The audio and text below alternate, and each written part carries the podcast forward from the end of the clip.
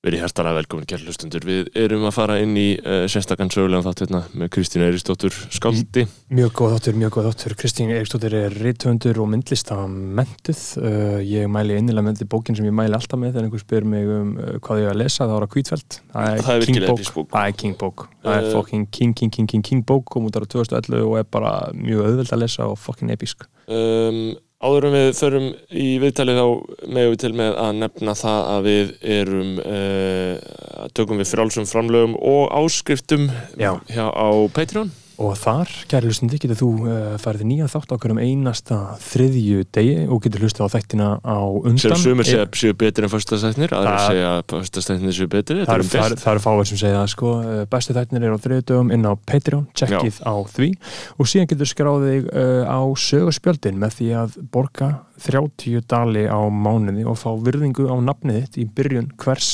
þáttar. Þeir sem að gera það eru Hamból CBD Olja um, Jóhannes Haugur Jóhannesson. Hann borgar 31 dal fyrir aðeins yfir. Hamból CBD olja borgar líka 40 og ekstra virðingu á það. Takk kærlega fyrir það. Síðan er það Andrea Diljá Edvinsdóttir. Andris Jónsson. Benedikt Bjarnason. Björgun Helgi. Björgvin Ívar Baldursson. Brynjar Guðmundsson. Brynjar Tumasson.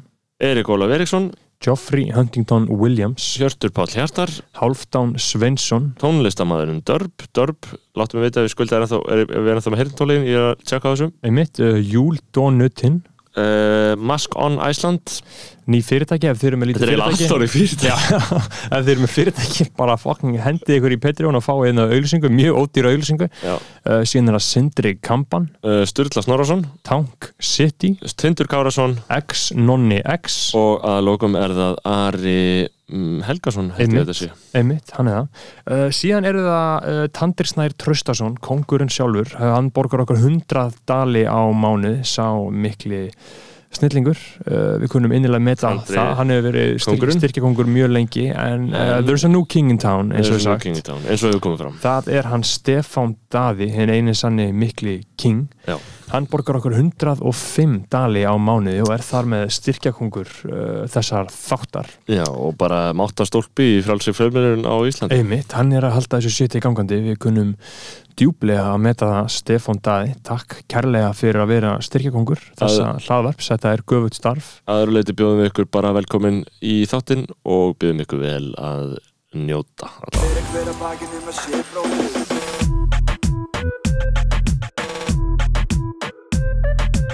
Fyrir hver að bakið um að sé bróðir eigi.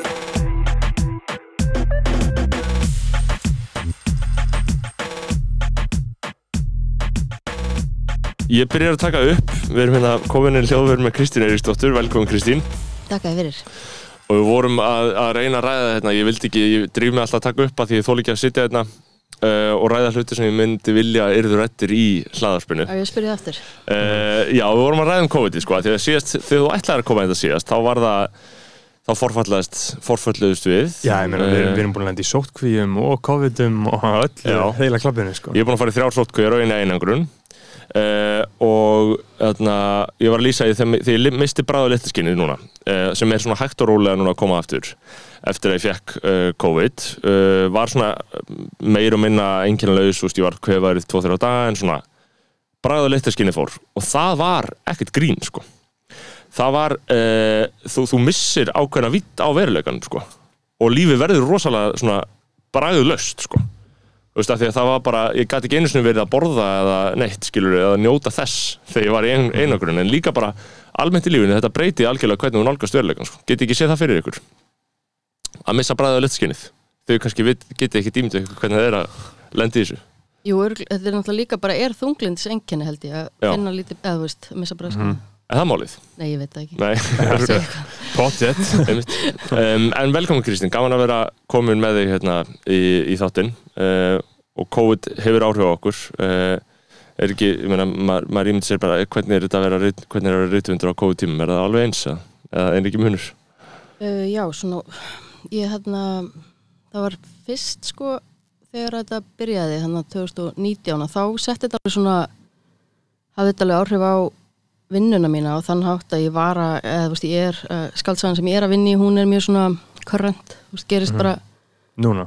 núna bara Já. meðan ég skrifa hana einhvern veginn og hérna þannig að allar forsendur sem ég var búin að byggja og, og allt einhvern veginn, allir premissar einhvern veginn, við virtist bara að vera ónýtir sko þegar þetta byrjaði og, og hvað gerir þá í því?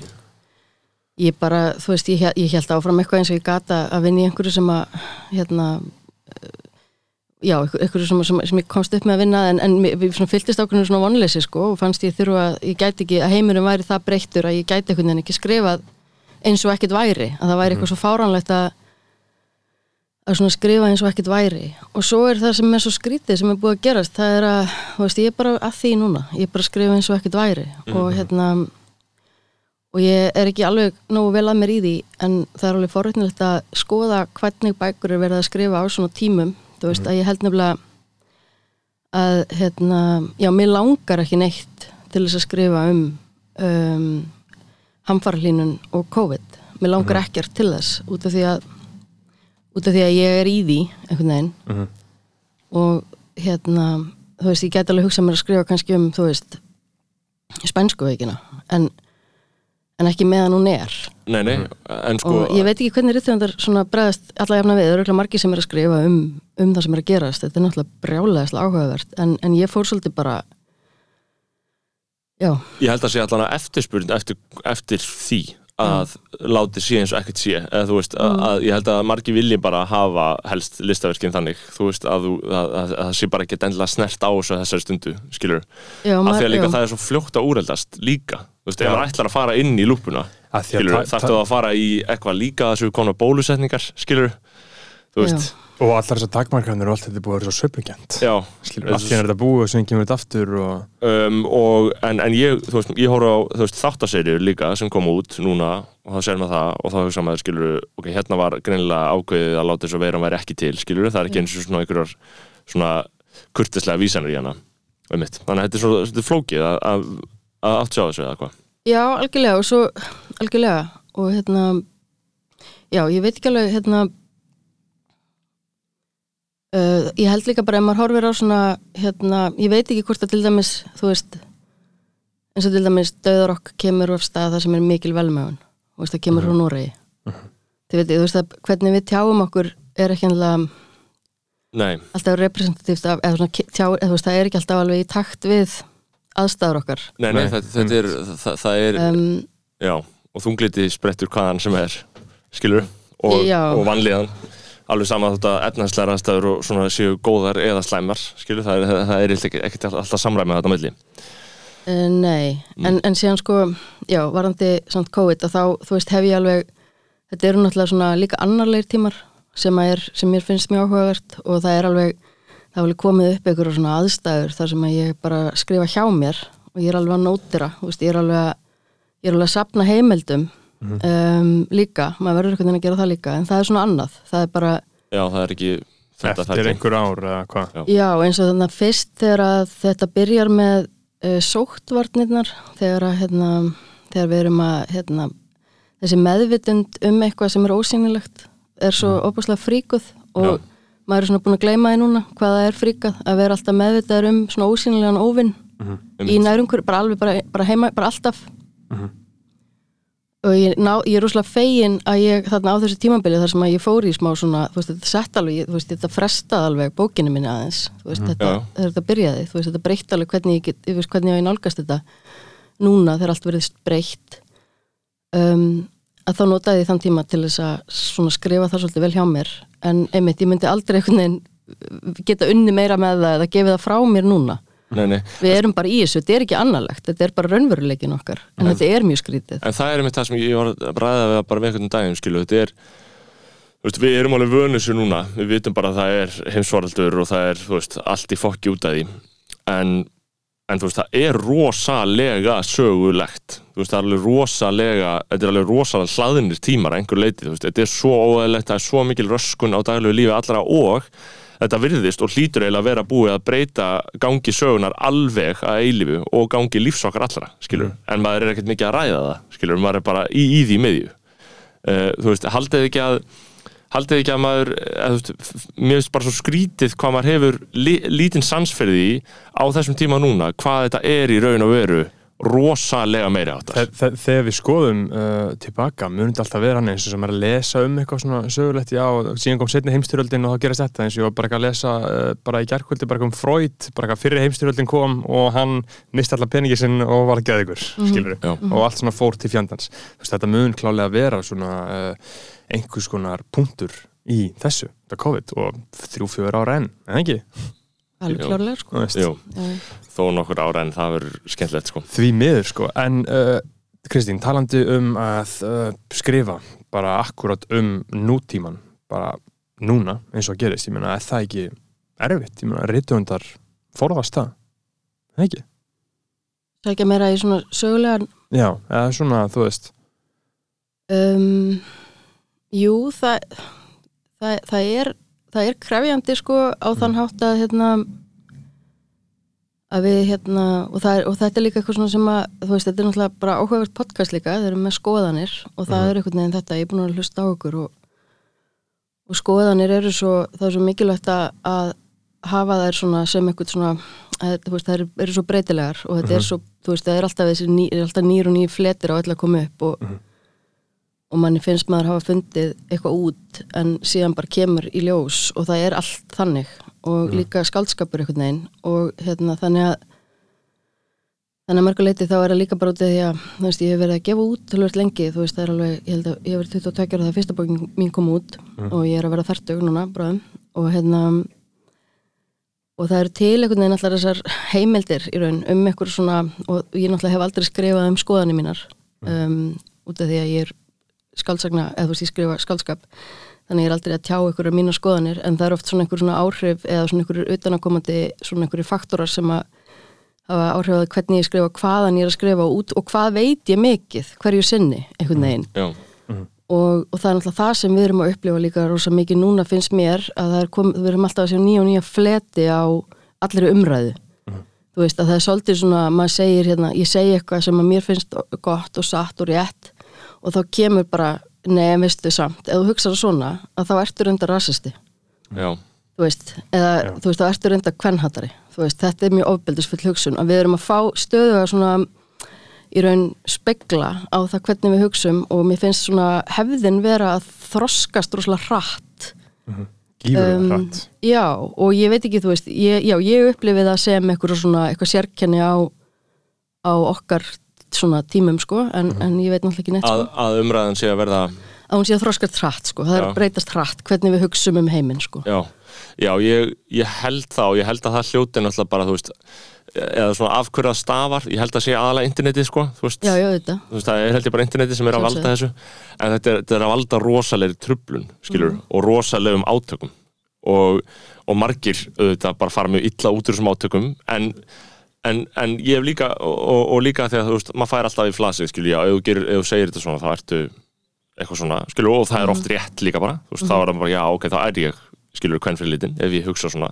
Um, og, en það er kannski líka samt, ég meina, heldur það sér gott skilur, heldur það sér gott að, að hún sé að þroskast hún hratt, skilur? Já, algjörlega, sko. Já. Ég, ég upplifið rosa, sko, það var svona, ég flutti til Kanada, um, hvað ár var það? 2009. Mm. Eða 8. Já. 2009 og hérna, nei 8 og hérna hausti 2008 og hérna og fór í mastersnam í myndlist og hérna og það er einhvern veginn svona kem ég inn í svona háskóla umhverfi sem að ég, ég fór ekki í háskóla Íslands, ég var í listaháskólanum sem er svona svolítið ólíkt umhverfi Já, þar kem ég inn í svona háskóla uh, umhverfi og þar er öll bara orðræða, ég bara, þetta var bara svakalegt fyrir mig að temja mér um, bara svona ákveðna nálgun og ákveðna orðræðu og hvað maður segir og hvað maður segir ekki sko, og, af virðingu bara. Við hérna, og þetta var 2008-2009 já, Já. já. Og, það, og það var svo gigantísku munur á því hva, hvernig maður talar á Íslandi og hvernig maður talar bara í svona fjölmenningarsamfélagi Já, með hérna já, einhvern veginn sko allavega í þessu háskóla samfélagi sko. Síðan náttúrulega er það alltaf eitthvað svolítið einangrað og verndað mengi sko. En akkur, akkur, akkur heldur það að sé til dæmis að um, að því að þú veist eins og segja þetta, þetta, þetta getur verið smá átak að, að laga sig að að uh, getur verið svona allan svona eh, eitthvað smá átak fyrir mann að laga sig að uh, nýri umræðahefð og, og svona nýju svona nýri kurtesi og svona nýju tillit, nýri tillitsemi um, en þú veist, í raun og veru bara fyrir ok- okkur sem er venlegt fólk bara tiltölulega einfalt, maður bara gerir það, skilur og bara talar venlega síðan þú veist, og af virðingu.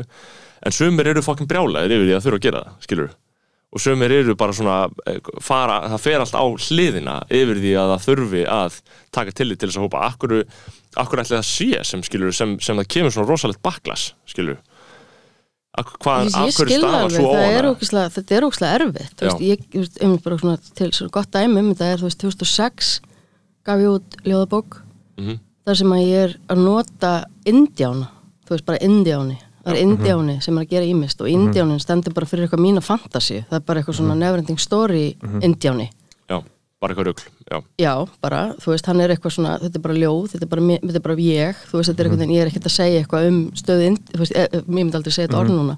Nei.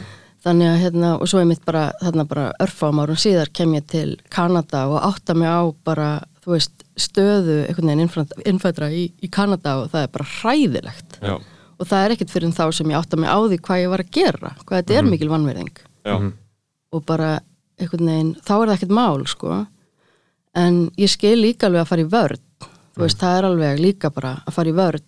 Og hérna og kannski er þetta líka spurning um að taka sig ekki á hátilega, þú veist, að ég má alveg gera mistök, það er allt í lægi að ég, þú veist ég, ég verð, maður ma bara trúa því að maður er einhvern veginn í grunninn velmennandi og svo bara segir maður alls konar rugl og ég er alltaf að því. Einmitt. Við erum alltaf að því öll einhvern veginn. Og þá er mitt líka bara svo gott að geta ef við tökum því ekki hátilega að þá er mitt bara líka bara þú veist að þú veist til dæmis ef ég segi eitthvað skilur af einhver algjör skilningsleysi uh, hérna við einhvern aðeila sem til er einhverjum þjóðfélagshópi og ég tala af einhverju svona hérna dominerandi hérna einhvern dónaskapara að þá hérna þá vil ég endilega viðkomandi segja mér það og að það sé ekki eitthvað sem hefur áhrif á okkar samband. Þú veist, nei. ég vil bara skilja, ég vil bara vita bara, ó, djók, þetta var fáralega eitthvað, hérna, þú veist út af því að þetta eru heldur ekki þú veist, maður þarf heldur ekki að taka þú veist, það sem, það sem ég veit er ekki svo mjög persónulegt sko, þú veist, Nei. það sem ég veit er svolítið bara það sem ég hef heyrt og það eru svona aðstæður sem ég kem úr ólíklegt að maður geti verið mikið betri en aðstæðuna sem maður kemur úr skilur. Akkurat, og það er kannski mitt frekar hættulegt sko, Já, ef maður fyrir einhvern veginn að, að sko, það. halda að maður geti verið það sko óraunhæf uh, krafa Já, sko. er það sko einhverju sem verðast hafa þessa kröfu er samt örgulega ekki útbreytt, skiluru en þú veist já, að maður sé betri en aðstæðuna sem maður kemur úr. En uh, áhugað sem þú segir með skoðanæðina, þú skrifar ekki um skoðanæðina skoðanæðinar, þú segir það bara í svona hlaðvörpum og jafnvel, jafnvel ekki eða hvað? Já, þú veist, ég, ég bara, ég reyki mig á það að ég skipti mér regl, eða þú veist, ég er, ég er, ég er svona leitandi um, þannig að ég, hérna, og ég er ekki með, sko, ég er alveg upp í alveg rosalega mikill svona, hérna, pólitískri ástriðu, sko, að, hérna, fóruldra mínir uh, voru rosalega pólitísk og, hérna, Samfæri komunustar, eða ekki? Jú, sko, og það er alveg, hérna, mamma náttúrulega, þú veist, mamma, eh, sko, eh, kemur úr, uh, hún hefur skefið út, sko, hérna, minningabóku um það sjálf, þannig að ég má alveg tala um það sem er þar, Mhm. um, í, hérna, bók sem hún gáð sem heitir, hérna, Ingibjörg Haraldsdóttir, hérna, ljóskáld og þýðandi, hún gáð bók, hérna, minning, endur minningabók, þar sem hún, sko, lýsir óbúslega mikil fátækt sem að hún kemur úr, sko, sem að, hérna, svona verka fólk sem að, hérna, uh, já, hún elst upp í raun bara í einu herbergi, bara með, hérna, þau voru þrjú sískinni. Mm. Hún er fætt 42, þannig að þetta er bara sá tími, þar sem að bara stór hluti þjóðurinnar var eh, Voru í í fátækt, já, hérna bara snorbritinni. Mm. Og hérna, veruleiki draumana, bókin, og hérna, uh, Fyndi Og- hvað kallast á við bókina sem Kjartan Ólafsson var að skrifa. Já, einmitt, ég tók þetta því. En, hérna, en eh, allavega þá einmitt og þetta er náttúrulega líka bara svona þessi tími. Já, já. en þetta er, þetta er opaslega hugsjóna, hugsjóna mennska sem að hérna, einkennir þessa tíma. En, en þá hérna eru amma og afi sem sagt líka svo, þau voru svo mikið að berjast sko, mikla svona verka, verkalýs hérna, mm. baráttu manneskjur og, og hérna þannig að mamma kemur alveg úr þessu bara að, að bara Lenin er svolítið bara upp á vegg og það er bara, og svo er hún tvítug þegar hún fer til Rúslands að læra. Og hérna giftist þar fyrri manni sínum hérna Ídelfons og Ramos sem að hérna er fæði bróðumins Þú er rúsneskur hann er kúbanskur. Já, kú- Já, þannig að hún flytur til Kúbu. Og þegar hún kemur aftur til Íslands þá er hún 35 ára. Þá er hún búin að vera í Sovjetríkjónum í rauninni sko í, þú veist, meira og minna bara að alla, full, alla, alla sinna fullorins æfi já, sko. einmitt. Og Kúbu, já. Já, fyrst í sex ári í, í Moskú og svo í, í sex ári í Havana. Og svo, þannig að hún, hérna, þannig að hún eignast mér svolítið sent, þú veist, hún var hérna 39 ára þegar hún fætti mig. Og hérna og þá er náttúrulega bara þú veist, ég elst, þetta er svona hefur opaslega mikil áhrif á mig, sko, þú veist, að Já. það er svona eins og bara mamma, þú veist, ég, hún talaði um sko, hún saknaði þess ofta að það væri bara veist, eitt par af skóm í búðinni í hennar stærð þú veist, henni fannst bara, hún nefndi ekki að þurfa að velja. Þú veist, þannig að hún er bara eins svona andkapitalísk í rauninni og bara hugsa sketur Já, og svo er pappi yngri sko. Pappi er 11 árum yngri mamma og hann er svona boomer bara, hann Já. er bara hérna fættur 53, þú veist, og hún er og hún alltaf líka til, til er ekki boomer að kynslu, hún er 42, Ja. hún til er Aðeins því sem kallaði þögla kynsluðin mm. sem eru börn, kreppu fóreldra sem að lendi í kreppunni sko er- Guðbergur Bergson er Já. mamma er svona í yngsta lagi mm, ok. já hann, þarna- hann er fellur 32 þarna- eða eitthvað svona Já, Já, mamma er svona síðasta árið sem flokkast sko. Já. Þannig, en það er samt rosalega munur sko. já þessi sæðilegi fjörði áratugur sem var samt ekkert svo hræðilegur í Íslandi eða ég veit það ekki Jú, jú, Já. hann var alveg er það sko. Já, uh, það sem að var alvöru fátækt og alvöru vesen Það var mikil alvöru fátækt á Íslandi Já. á þessum tíma, góður sko. og bara mikil svona það var ekki mikil réttindi sem að fólk hafði. Það var vin, vinnukonu, vinnukonu frí það var held ég nokkru klukkutímar á viku sem að vinnukonur fengu að fara í bæin og gera sem það vildu sko. annars voru það bara í vinnunni. Þannig að þú veist.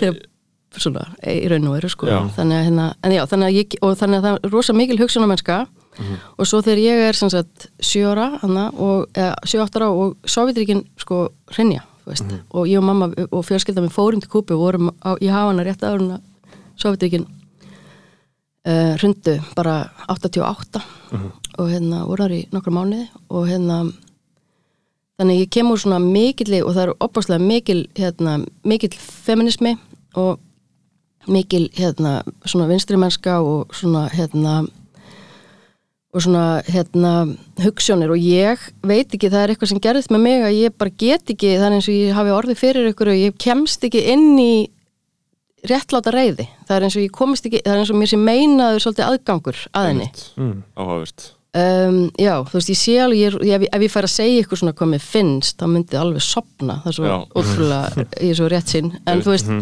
en, en ég er ekki sko að fara að vera, ég get ekki tekið, hérna, ég get ekki stíð upp á kassan með skilti, bara eins og, eins og af og amma, ég bara, það er einhvern veginn, Tilfinningarnar, eða svona þetta fer ekki inn í tilfinningarlífið nei, alveg á sama hátt ekki, á, ekki á þann hátt, ekki á þann hátt að ég fái þennan svona eld og mér Einmitt. getur alveg fundist það sorglegt, sko, þú veist, þannig að, en ég, ég kýst þau, sko, Her, en, en hefur, það, hefur, hefur það meira svona intellektual áhuga á einhverju svona málumnum en einhverju svona bartu Já, þá, ég þá fer ég frekar í að reyna að skilja af hverju einhver myndi ekki fara upp á hana kassa. Þú Já. Veist, ég bara tín, tíni mér þar, bara Já. eitthvað að reyna að átta mig á því, bara, en byrju, af hverju finnst þið rétt að að vinnukonan fá ekki frí? Eða skilur Já. ég bara svona, mér Já. langar svo að átta mig á því hvaðan þetta kemur. Já, Já, Þannig að ég er svona, já, ég er svona meira eitthvað svona, ég tengi alveg við það sko. Þetta kveikir ekki eld í manni en svona vekur aðtikli manns. Við, auðvitað viðstöðlaust og maður veltir þessum málum fyrir sér en Já. svona sér ekki fyrir sér að berjast endilega fyrir einhverju ákveðnu nöðsynlega, svona á sama hátt og verkalýsheitjur hafa gert? Nei, ég, ég hef það ekki náðu í mér, sko. En, en, ég, en, ég, en eins og ég segi, ég stið, ég stið, hérna, ég stið þær, sko. Já, já, og, og maður er hallar undir sovjetið, skilur Já, en ég myndi ekki fá til dæmis ef að, út af því að það þyrfti alveg að vera eldur í mér til þess að skrifa til dæmis skáldsögu þar sem að ég væri að reyna að fara að reyna að sannfara lesendur um Já, einhverja, einhverja svona hérna um, einhverja svona sín sem að ég hef á lífið. Um mitt að ég hef ekki, það er, þó það er eitthvað svona sem maður þarf samt að hafa einhverju leitið, sko, einhvers konar samfæringakraft Já, en heldur það sé vera heldur, finnst þið vera mikið um að fólk sé að skrifa skáldsögu núna alltaf samfæra einhvern um eitt eða annað? Það náttúrulega er ekki í tísku og hefur Nei. ekki verið mjög lengi, sko þannig að ef einhvern mann, Nei, eða jú, það hefur náttúrulega verið það en það, Já. er, en það er það ekki, er alls ekki, sko. Nei, þetta er ekki tísku það fólk er ekki að gera þetta, maður sér ekki ef maður, ef maður líti bara eitthvað á síðasta jólabókaflóð þá er engin, það er kannski í loftslagsbreytingamálunum sem fólk er að skrifa Jú, það er að- alveg Já. og það er náttúrulega falið þú veist.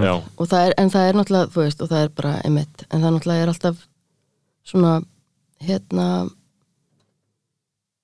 ég nei, einmitt ég, og að, að því að maður hugsaður um það bara eitthvað hérna með síðustöld bara þegar bara rauði pennar voru ekki skil, það, það, það, gá, það var alveg ljóst hvað fólk var að gera, það var að reyna að samfæna einhvern um, um með og, og ég, ég þekki náttúrulega ekki, ég þekki ekki alveg bókmyndafræðina eða bókmyndafræðilegu hugsunar eða listarinu hugsunar sem bygga baki til þess bara þýðingunni hjá mö- mömmuðinni skilur en, en hún hlýtur á einhvern tíum búti að hafa hugsað skilur maður er að gera eitthvað með þessu skilur þú veist, maður, maður vill uh, koma þessu á framfæri þessum skilabúðum skilur, koma þeim áleiðis. Mennar í, Pólitískum eða hvað, í, í þýðingum? Já, það náttúrulega Kannski Dost- list- Dostoyevski já. sem hann er að því það er, en það er sko, eins og hann er nú svolítið gott, hann er svolítið flott dæmi flottur að tala um í þessu samingi ég fórum þetta eh, hérna, geggjað námskeið hjá Gunnar Þóra Pétursen að var með námskeið um Karamazov-bræðina vegna þess að sem sagt, já, en hérna allavega þá hérna uh, var hann að fjalla heilmikið um þetta sko. Og, hérna, og það er nefnilega út af því að Dostoyevski hann er alveg pólitískur, bara klárlega og hann er rosalega hann er bara aðalega bara opaslega svona empatískur, þú veist, hann er bara mjög svona hefur bara mikinn mannskilning og svona, hérna, en hann hans svona tækni er í raun hann, hans í karmasóbræðum þá býr hann til persónu sem að hefur skoðun sem er ekki hans skoðun, öfug við hans skoðun. Og hann er, er svo góður í að búa til hennar karakter og hans orðræðu að hann trúir honum næstum því sjálfur, segir hann. Skiljið, þetta er Já. náttúrulega bara rosalega áhugavert að, hérna, að, hérna, að það er náttúrulega þetta sem maður vill gera í skáldsögu. Og, og auðvitað er það pólitíst en hann maður er samt ekki maður, maður, hann, og, og, þetta er skulur veist, hérna já, veist, hann er að, hann er að segja Guð sé ekki til og Dostoyevski trúða Guð. Og hérna, og hann Dostoyevski trúur honum, hann, hann segir argumentið hans, persónuna minnar er hérna óvíð fengjanlegt, það er ekki hægt að hérna andmæla þessu, en samt trúur hann einhver síður á Guð, þannig að þú veist, þetta er einhvern veginn líka þetta sem við viljum um, og það sem gerir kannski listi líka einstakar, veist að það er einhvern veginn þessi hérna og, og svo náttúrulega svari líka og þá er hann í raun bara komin með svona samtal hérna persóna sko. Og, og listin og listamæðurinn getur alltaf verið ósamála sjálfur sér. Það er alltaf mjög þægilegt.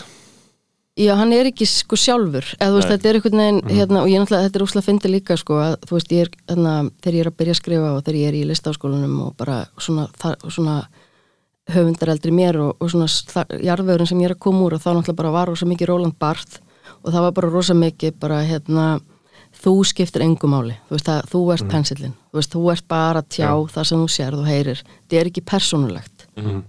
þú veist ok, Svolítið- það er já. svolítið áhugavert. Já, það er mjög ekki áhugavert. þannig í dag? Nei, það er nefnilega orðið svo ekki. rosalega ólíkt í núna og stuttum tíma þá er þetta breyst svo mikið. Og þetta held ég geta alveg verið pínu flókið fyrir uh, hö- uh, höfunda að vissri kynnslóð, minni og eldri að, hérna, og það, að það er þessi brjálæðislegi áhugi á hinnu persónulega og hinnu prívat uh, sem að maður, já, ég var alveg upp í að væri bara ekkert mjög smart sko. það, okkur er svolítið sama hvað þú ert að bauka vinnan, skilur þetta er ekki um það, þú ert, hérna listaverkið er já. Nú er þetta allt svona autobiographical personlega tjáning veginn ég svolítið selur ekki nema að sé það sko. já, er það ekki? Jú, það er pínu þannig. Og það er mjög flókið líka út að ég er alveg, ég er privat, ég vil ekkert þú veist, Mhm. ég vil ekkert vera að tala um mig neitt sko, þannig að hérna í bókunum mínum. Mhm. og þú veist, og það er og þetta er líka svona, ef maður skoður þetta líka út frá svona sko hérna, ég er ekki að segja það, ég hef rosalega, það er mjög margir bara Argonauts eftir Maggie Nelson en ég minn uppáhaldsbókum, hún er algjörlega autobiografísk og það er bara fullt af höfundum sem ég dyrka sem eru mjög autobiografískir og nota þetta en það sem gerist kannski líka er að hérna uh, þegar að ég sem sagt uh, er að skrifa að þá er ég oft kannski þú veist, ég kannski bara tek átfittið þetta skilur, og vinnuna þína og setja inn í bók og svo setja ég bara þú veist, eitthvað bara Herbert Guðmundsson í gallan þinn skilur, Já. og læt hann vera að taka vittala um mig. Akkurat. Já, uh, Já, og ég er ekki ég heldur er ég þú veist, bara draugur. Þannig að þú veist, þetta er einhvern veginn hérna þú veist, ef, að- ef að, þú veist og, og, og, og, þarna, og þarna segi ég, já, þetta er skaldskapur og þá bara verði að treysta því að fólk trúi því að ég, þegar ég skrifa, þá, þá er það alltaf fagufræðin sem maður ræður ég myndi aldrei, ég myndi aldrei beigja mig fagufræðilega fyrir sannleikanum Mhm. þú veist, þannig að ef að einhver persóna minnir á einhverja persónu í mínu lífi Mhm. þá bara verður hún að hætta að hugsa það vegna þess að það kemur eitthvað sem krefst þess að þessi aðili sem minnir á á, á hérna raunverulega mannesku gerir eitthvað ógeð þá mun ég láta hann gera það. Já, þannig að bara, þetta er ekki, þetta er ekki þú nei, Nei, nei. þú veist. Og svo er þetta mix, þú veist að mixast inn það mixast sumt ekki kannski bara úr í bíóminn sem ég er búin að gleyma ég sá mixast sama við sögu sem einhver saði mér. Og ég hef alveg lendið í að fara inn með eitthvað sem að ég bara átta ekki á að er Mm. eitthvað sem einhver hefði ekki, ekki viljað að ég, það er bara eitthvað draum sem að mér var sagð eða bara eitthvað sem ég hef alveg gert það það hefur alveg gerst og það er bara mjög leðilegt þú veist, og þá hef ég bara beðist afsökunar og, já, og á ekkert með það sko. En það er samt, þetta er samt bara eitthvað sem að er óvart, þú veist, þetta er bara þannig að um leið og uh, þessi lestur er orðin allráðandi að lesa persónulega, eða þú veist, lesa í reyna að finna út mitt eitthvað setja í samingi við mína nákvæmlega.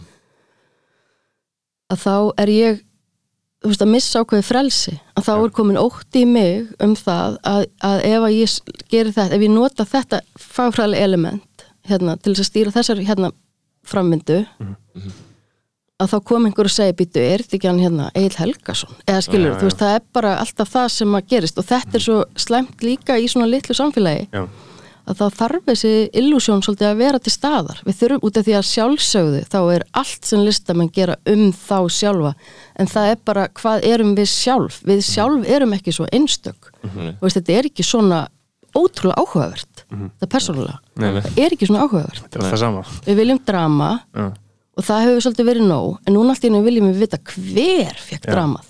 já, Og það er eitthvað svo, æ, koma hann þetta mikið sensationalismi, sko, í okkur. Ég líka, ég, ég finn þetta líka, ég er ekkert undanskilin. Þannig að þú veist, og, ég, og, ég meina, og, og þetta hefur alltaf verið, maður les bækur og maður hugsa býtu, er þetta já, kannski byggt já, á auðvitað, en maður bara hefur það fyrir sig og maður er ekki að setja þetta á höfundin nei, en síðan núna, þá skil ég svo vel af hverju svona margir taka upp bara og segja, heyrðu, þetta er autobiografist þetta er skáld æfisaga út af því að með því, þá ertu búin að taka stjórn. Mm. Þá ræður hvernig fólk les. Þá ertu bara, út af því hitt er miklu óþægilega Af því það hefur alltaf verið svona tilhengt til að vera með allt sem einhverja leikilsu og einhvern veginn, já, þú veist, einmitt að, að þú eigir að, og, og, og þetta er svona þjóðaríþrótt að reyna að ráða í bækur hver er hvað og uh, svona, eða, eða þannig, þetta er svona, og, og þetta er mikið kaffistofu fyrirbæri, að það er bara, er að tala um bara, já, hún er náttúrulega svolítið bara að skrifa um þeirra samband, þarna skilur eitthvað Jú, jú, svona, algjörlega Uh, og uh, já, þannig að það gæti verið um, taktík uh, skynsaleg taktík að segja þá bara já, þetta er skáldæðis á Já, algjörlega. Og þá er maður komið með hana með þetta vingil um að þú veist, fólk mun lesa þetta eins og sé um mig og ég vil ekki móðga þennan og ég vil ekki særa þennan og ég Já. vil ekki allir halda ég sé morðingi. Eða þú veist, þannig að maður er einhvern veginn að hérna, þá er maður komin með svona töglun og haldirnar og þá er bara langt best að vera bara í autobiografískri stellingu og, og, hérna, og þetta finnst mér vera svona daldið, hérna, svona eitthvað sem að já, e- eitthvað svona sem að má alveg hugsa um sko. Að, hérna, að það er friðhelgi engalífs uh, listamanna sko. já, Já. Hérna- einmitt. Einmitt, Uh, en, en þú, að þú varst að segja þarna með líka hugsununar og, og, og uh, allan hann kommunisma sem mér finnst mjög áhugaverður að, að, að þú elst náttúrulega í mjög þannig þarna samingi og, og uh, ég meina ég, og við ólumst ekki upp í uh, svona rosalega pólitískt hlöðinu en maður veit samt alveg hvað fóreldrar manns hugsa skilur uh, að einhver leiti ætla að gerist ekki stundum að kynnslóðuna eftir mjög samfærið fólki verði svolítið ósamfærið ætla að, ekki- ætla að hafa ekki tilneiku til þess? Þú veist að eða kannski líka því að öll hugmyndafræðin innan gæsala bara hrundi þarna, í kringum þarna, undir lók síðustu aldar eða svona einhvern veginn hugmyndakerfið og pælingin, sovjet pælingin hrundi einhver leiti þannig að það sé, svona óhjákvæmilegt að þú verðir svona disillusioned að því leiti að, að maður svona einhvern veginn bara hvað á mér að finnast um þetta skilur þú veist, ef maður hugsa um svona pólitíska samfæringu og af hverju maður er laus við hana eða svona af hverju maður er of svart til þess að uh, standa upp á kassa skilur Já, ég veit það ekki. Ég, ég, hérna, ég, var einmitt, ég var að rætti þetta um daginn með vinkonum mína. Það er einhvern veginn, og það er, það er líka þetta þú veist um, ég veit ekki, ég held kannski ef að, ef að, þú, ef að þú elst upp við það að, og, veist, og þetta er náttúrulega líka úslega skrítið þú veist, að þetta er svo ykt á svona tíma náttúrulega kaldasriði já, og ég var einmitt líka og þau voru, við vorum í breiðholtinu, Euróbreiðholti og hérna og skári sig úr þú veist, bæði var náttúrulega mamma mín bara á þessum tíma bara held allir að hún var í amma mín. Og hérna og bara pólitíska skoðanir svona á heimilunum sem ég var inn á voru ekki Nei, nei. neitt líkar. Það var svolítið bara kommunistar voru bara nasistar eiginlega, Já. þú veist, þannig að hérna, mamma var alltaf að skrifa eitthvað í þjóðviljan og, Já. og tjá sig og, og alltaf bara svolítið eins og ég var eftir nasista fóreldra eða þú veist, pínu þannig stemning sko í kringum mig. Hinn heimilin voru bara tíminn og mokkinn og allt svona settlegt, Ná, það var borgarlegt bara, bara djafaf og stjarnan eða Já. þú veist, og bylgjan eða það var bara svona, þú veist, og, og bara hresleiki og, og hérna stemming. Og stemning og, veiðiferð Og- bara. Já, og hérna og, og svolítið svona eitthvað bara hérna þunglamalegt hjá mér sko með kaldastriðið en, en hérna, en sko það, það er samt sko þetta sem að er þegar maður, út af að þetta er náttúrulega svo þú veist, ég veit ekki, þú veist hérna um, já, það er svolítið svona tilfinningina svolítið að það eru allir vondir. Já, það eru allir pínu badnamorðingjar sko. Þú veist, það er allir svolítið mikið vondir. Út Já. af því að þú veist, við erum að sjá það. Ég meina, þú veist og ef maður bara, ef maður getur alveg sett, þið getur alveg sett ykkur í, þú sjáu þið Trump. Já, þú veist, en við hérna í Áltahólum 2 við vitum já, við erum góð. Já, við erum aðeinslega já, við, þú veist, þannig að ég elst í raun upp við svolítið þessa örgiskend þó hún sé hræðileg, þetta er tvíbent sko. Bæði er þetta ekki örgiskend það er allir vondir. En, en örgiskendin er samt, já en við ætlum samt að bara, þú veist, kjósa eitthvað sem að sem að gefa börnunum skó. Eða þú veist, við, þú veist þetta er rosalega þannig svona að hérna, heilagt við, stríð við erum ekki, já, einmitt við erum samt ekki á því að, að fólki að svelta í hel í því, eða þú veist, þetta er bara við erum ekki þar. Nei. þannig að, en, en ef, að, ef að maður elst upp við að fóreldrarnir eru þar að þá skilja miklu betur að maður verði pínu sko rasandi bit. Já, þegar maður fattar. Já, já, að þá, þá skilja miklu betur að sá kraftur komi að maður bara svona raunverulega þetta er, maður er pínu slenaður líka sko Já. af því að, að maður trúir því nú eiginlega samt að við séum öll, þú veist, við viljum öll. Þar, já og, eða veist, út af því að fóreldrarnir eru allt. Eða þú veist, þó að umheimurinn sé þetta er, er, er flókið sem ég er að reyna að segja en, en já, en, en sko þú, þú, það er líka það eru svo margir það eru svo margir sem lendi í eiga bara svona venjulega fóreldra, bara bylgjan og allt rólegt. Mm. og svo fá þeir eitthvað svona pólitíska radikaliseringu og fá eitthvað svona móla í sig skilur allt í einu og þá rennur svona renna tvær grímur á fólk og bara, það bara breytist alveg skilur en ég held að ég held að það sé ólíklega ef maður á bara, þú veist, bara þannig að það er sagt bara svona kommuníska fóreldra skilur að þú veist að mér, þú veist, ég, ég upplifi sjálfur miklu frekar bara svona skömm yfir að vera ekki nógu rótækur stundum, skilur Mhm.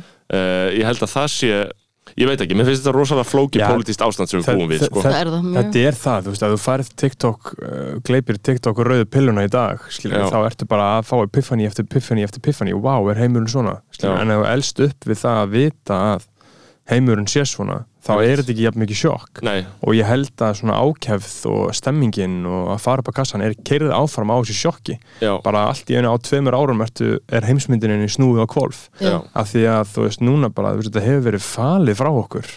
Bara alla mína æsku og úlingsár þá?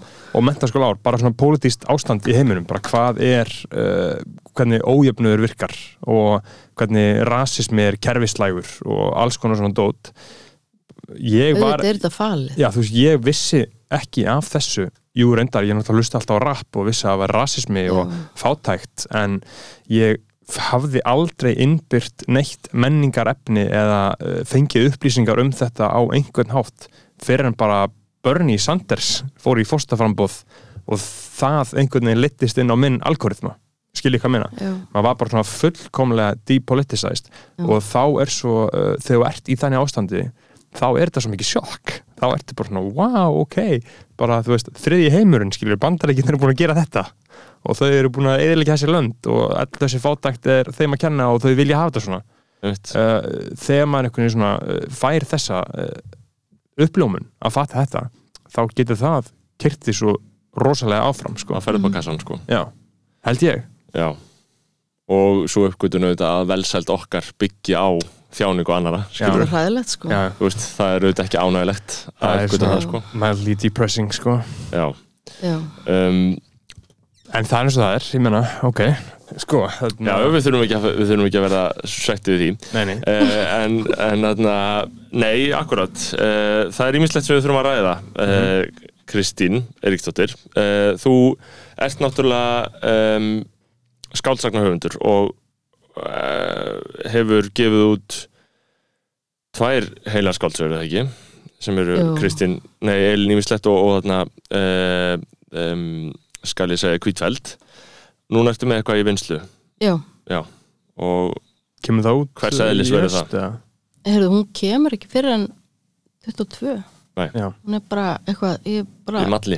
Ég, nei, og ég, ég er bara að vinna og vinna og hún einhvern veginn bara vindur upp á sig og, og hérna og einhvern veginn, ég bara og ég ákvaða að fara ekki í gýrin að eitthvað svona drífa mig Nei. út af því að það er svolítið svona já, ég ætla ekki að fara að tala um það eitthvað mikið en, en já, ég held að sé betra að, að vera alveg bara, Já. ról, að vera bara með bara svolítið svona hjarsláttin í lægi Mhm. þegar hún fer í umbrott ég get ekki, ég bara finn það ég bara get ekki stemninguna að vera einhvern veginn að upplifa síðustundu að ég hefði getað Mhm. gert eitthvað betur sko hvernig þarna uh, hvaða skoðun hefur á þessu systemi sem við höfum uh, komið okkur upp hérna með þessa jólabækur og allt þetta dót og, og þessi listamannlaun og þennan frest og allt þetta samingja og bara hvernig svona lífstíl við höfum búið rítumundum okkar. Hvernig uh, ertu brjálegur eða finnst þér þetta bara sirka virka eða? ég er náttúrulega bara er, ég þekki bara svo mikið af þú veist, útlenskum rithöfundum sem að þú veist, bara hafa það svo miklu, miklu verra skilju, eða bara einhvern veginn ég, þú veist, ég bara þessi möguleiki, veist, að geta komist á rithlaun og geta unnið við það að skrifa er bara ekkit fyrir hendi í bara stærstun hluta heimsins, veist, þetta er alveg rosalega Mhm. góðar aðstæður. Já, og ég er ekki og ég líka, og mér, ég, og mér finnst það rosalega eðlilegar, veist, mér finnst þetta rosalega eðlilegt að þetta sé svona uh, vegna þess að hérna, það er bara starf líka að sinna tungumólinu mér mér kannski einna helst að það mætti gera meira fyrir barnabókahöfunda og bara svona að við bara legðum meira áherslu þar á Já. bara út af því að það er aðal bara lestu barna er bara svo mikið aðalatriði. Já, það er fullt af góðum barnabókahöfundum og það mætti bara vera hérna arðsamara fyrir þá að, að hérna vinna og fleiri mætti skrifa fyrir börn. Já, einmitt. Og hérna og sem sagt þannig að hérna, já, ég, ég bara er þú veist, já, ég er bara ótrúlega þakklátt sko, fyrir að Það hefur líka verið talað um það í samhengi við þarna barnabækunar að því við erum að tala með mitt við tölum um þetta sem er svona málrækt skilur, Já. bara skriftir yfirleitt sem eru auðvitað málrækt uh, uh, að með þess að formaður kennararsambandsins var að tala um það um daginn og ég held ég að einhvern maður minnst að einhver yssul hafverfi að, að þau eru miklu frekar en að, að vera að bæta í barna bókmentir já, að fara það sem börnin eru þar að segja inn í tækin, skilur akkurat. Uh, þarna það er bara svo, svolítið erfitt fyrir okkur að sjá fyrir okkur hva, hvernig væri hægt að vera með einhverja málrækt í gangi inn í einhverjum djóðsins djöfla tækjum, skilur ég, þú veist, það er náttúrulega, ég er alveg rosa ánað með hljóðbækur. Já, til dæmis, einmitt. Að mér er búið að takast að samfæra svonminnum að það sé iPad að vera með hljóðbók. Hann er þetta lítill sko. Hann mun fatt þetta bráðum en, Mhm. en hérna, en þú veist og bara, jú, ég meina öll gumi góður og Já. bara talsetja teiknimyndir, þú veist, það er bara staðrind að íslensk börn eru horfandi á sjónvarpið allan daginn og það er bara mjög gott ef það er bara vel talsett. Er- góðum leikurum, já, það sé bara lagt í það. Einmitt og eh, er vöxtur og viðgangur íslenskunar áhugjafni fyrir þér? Um, nei, alls ekki sko. Nei. ég er alveg bara, þú veist, ég, ég er bara svo lengi sem það er að stækka og ekki minka tungumálið, þá er ég bara ánað Já, er það ekki að minka, er það að stækka? við erum alltaf takin alveg rosalega mikið af einskum orðum. Já, og þá er það bara það sem að vill einhvern veginn það er að það sé ekki mm. hinn að detta út Einmitt. þú veist, og, og það er einhvern veginn, þú veist, þú segi ég, ég, ég slett alveg helling og bara þú veist, allt í góðu. En að ég viti ennþá, þú veist, hitt, hitt orðið og bara einhvern veginn, sko, að við séum þú veist, að, þú veist, að, að tungumálið okkar sé einhvern veginn, lifandi. Það, það er tungumál breytast, veist, það er ekki hægt að segja eitthvað tungumál hafi dáið, það bara breytist einhvern veginn. Já, Það er ekki fara neitt sko.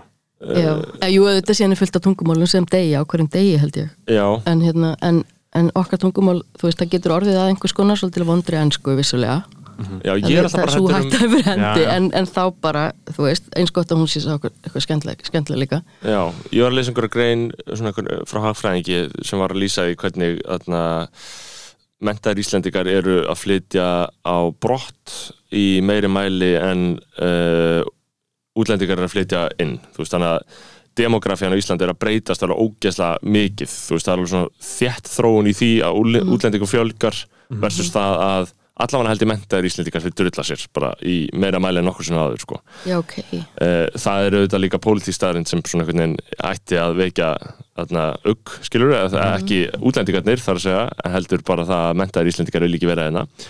En þú veist, ég held að þetta sé náttúrulega líka spurning af því að við viljum auðvitað, við höfum líst í yfir henni í hlaðarpuna, við viljum að Íslendingar verði bara sem flestir, skilur en uh, ég held að það verði alltaf frekar flókið að halda tungumáli við ef við vinnum bæði með teknibreitingarnar og útlendingarna, þú veist, það ég held að við, við hljótum að enda í, út í einhverju skurði með tungumálið á endanum, ég held að það verði ekki talað hérna alls, alls ekki í svipari mynd eftir svona 100-200 ár.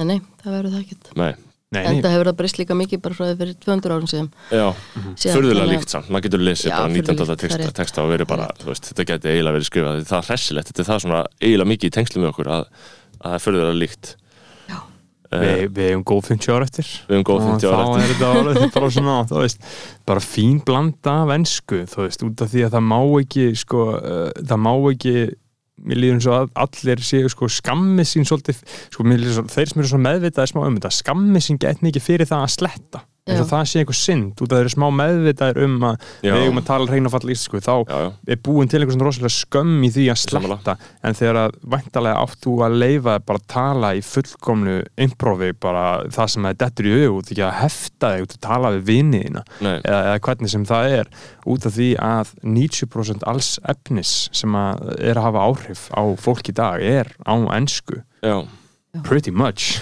getur maður sagt skilur og þá er þá ertu að taka shit í ensku og það er að fara inn í heilinaður og kemur út líka í ensku. Og getur ekki þýtt það. Þannig að ég held að þetta sé bara En, en sko, það, það, það, sá vingill sem er að svona óheft flæði þinnar meðvitundar ef að það er, hvort sem er mengað af ensku, ef við segjum mengað skilur, Mhm. þá á það á þá að vera það, skilur já, uh, og þetta er líka bara eins og það sem ég hef talað um líka í sambandi við þeimmis uh, leiklist, að fólk meikar ekki í leikhús. Það er því að þar máttu ekki segja neitt á ensku, skilur að það er þetta orðið, þar ertu búin að búa til múra, skilur að því að enskan er komin það mikið inn í menningar vitund okkar og inn í tungumálið að þegar þú síðan þarft að tala bara alveg hreina íslensku eins og þetta á leiksviði sem, sem, sem er ekki tölur það neistar er tabú þar að, að vera með mikið ennsku inn í þessu þó að nema kannski svona betri leiksýningum eins og atna, The Last Kvöldmálti eins og við höfum sagt. Já, en sko þið eru kannski málið er bara, þú veist, eins og ef, ef þið myndir til dæmis fara á síningu hjá Tyrfingi Tyrfingsinni sem er bara náttúrulega okkar svona produktífasta íslenska svona bara eh, leikskáld að þá, þú veist, og færið eitthvað að gera eitthvað svona hérna word count hjá honum Já, að þá hérna myndið þið sjá að íslenskan þar er bara algjörlega fullkomlega eins og við tölum hana. Já, og hérna það sem að gerist eins og er líka bara eins og af ég vinn svolítið við að þýða fyrir leikús mhm, að þá hérna að þá eins og til dæmis núna þá var ég að þýða verk uh, eftir Karl Tjörtsel sem að heitir Ein komst undan uh, Escaped Alone á önsku og verður fremstjönd í janúar í borgarleikusinu og hérna og þar er uh, Karl Tjörtsel fætt 39 uh, leikonunnar eru fættar er, eru allar sko, eiga allar að vera eldri en 70 og hérna og, og ég er að þýða úr ensku þú veist. Og ég menn það er, þá er ég bara að þýða tungumál já, sko þeirra. hvenna sem eru komnar yfir sjötugt. Það er alveg sko auðvitað, þú veist, auðvitað, alls konar einhverjar hérna, slettur í því tungumáli en það er samt öðruvís en það tungumál sem við tölum og það komið svo mikil kennsluðaminur í þetta. Já. þið veit þið, þú veist, þetta er einhvern veginn líka já. það sko. Er, er ekki alveg kunst að í þeirra málsniði eða þú veist Nei, það er ekkert málsnið, nei, nei, alls ekki sko, það er bara, þú veist, að ég meina, ég, ég, ég, ég, ég líka út af því að þú veist maður þekkir alveg sletturnar úr. Já, þið vitið, Mhm. þú veist, það er alveg hérna þú veist, það, það, þú veist, það er ekkert mál sko. Nei, og það er alveg eitthvað svona og, og, þú veist, og, og íslenska, ísl, þú veist, tungumáli er líka bara aldurstengt ég talaði öðruvísi þegar ég var tvítug þú veist, ég var bara með fullt af einhverjum t- orðum sem mér fannst rétt íslenska og æði sem að ég myndi aldrei segja núna. Mhm. Nei, þetta nei. er bara hallarislegt já, Þannig, og það sama gildir líka um þá sem eru tvítur núna, þú veist að þeir munu tala öðruvísi þegar þeir eru 40 ára. Já, þú veist, þannig að það er líka það að við erum einhvern veginn, þú veist, tungumálið er svo brjálæðislega markbrótið Já, það er svolítið fallegt. Já það, er- það er gott sko en líka í þessu málrættar þessari málrættarumræðu líka í þarna uh, um að að styrkja rithöfunda vegna þess að þeir hlúa málinu. Uh, ég hef náttúrulega líka uh, talað fyrir því að sko, það ætti að styrkja ef, að- ef að það væri raunverulega gilt sjónamið hjá stjórnvöldum að styrkja um, tungumál og starfsemina, þar að segja bara einfallega framleiðslu á tungumálinu sem eru sem rithöfundar standa náttúrulega í á hvernig degi, þá ættu náttúrulega uh, tífald, tífald upp að það fara til fjölmiðla, skilur, Já, af því að fjölmiðlar eru að framleiða, þau eru virkilega skilgrina hvernig við tölum, sko. Akkurat sko. Þú veist, það er bara, vísir.is er bara, það bara Það stýrir bara, bara, ger, gerist þar sko. Það bara gerist þar og nýja tungumáli verður til þar, það bara verður til þar á hverjum einasta degi, skilur bara inn á riðstjórnum og maður sér að gera sko eins og núna er ég að býða eftir TV þú veist og þegar allir, það segir engin sjónvarsblengur Já. það segir já, og nú er ég að býða eftir að sjá það á vísi. Bara um leið einhver segir TV á vísi þá er það komið. Í kóti já. Já. Og maður þarf að hafa það í kóti fyrst og allt svo segir, það- svo er það komið fyrir sögn og svo, veist, svo er það bara hérna, Já, já. komið. Og þetta er svolítið svona sko. Víin falla sko og, og, og alls konar þarna, alls konar víi falla bara hverjum degi sko. Já, og, og social media, fólk segir og ekki social media líka finnst mér líka í stæðan fyrir samfélagsmiðlar. Um, en sko uh, en þú Kristín, verður brjáluð þegar þú færin á þegar þú lest blöð dagsins? Finnst þér, fjölmiðlar hræðileg finnst þér, finnst þér umræðan hræðileg nei, nei, alls ekki sko. Nei.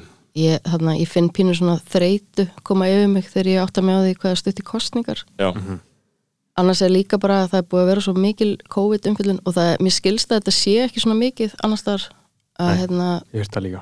vinnir sem búa erlendis segja að þeir bara sé ekkert svo kviðnir að þeir sleppa því að opna íslensk blöð. Já, þannig að ég er svolítið bara líka farin, komin einhver forð, for, farin að forðast aðeins að hérna, ég, ég tristi því alveg að mér, mér berist þetta helsta sko en ég er ekki að sökka mér ofan í það nýjasta í 67 smitt Það 40 ekki sóttkví. bara, þú veist, þannig að, hérna, nei, nei, alls ekki, sko, mér finnst bara, bara rosa margir góðir blaðamenn á Íslandi og, hérna, og fullt af flottum blað, miðlum og einmitt líka bara þegar podcastin eru komin líka, það má komin miklu fjölbreyttar einhvern veginn, já, svona, hérna, en kostningarnar hva, hva, hvað finnst þér pyrrandi við þær?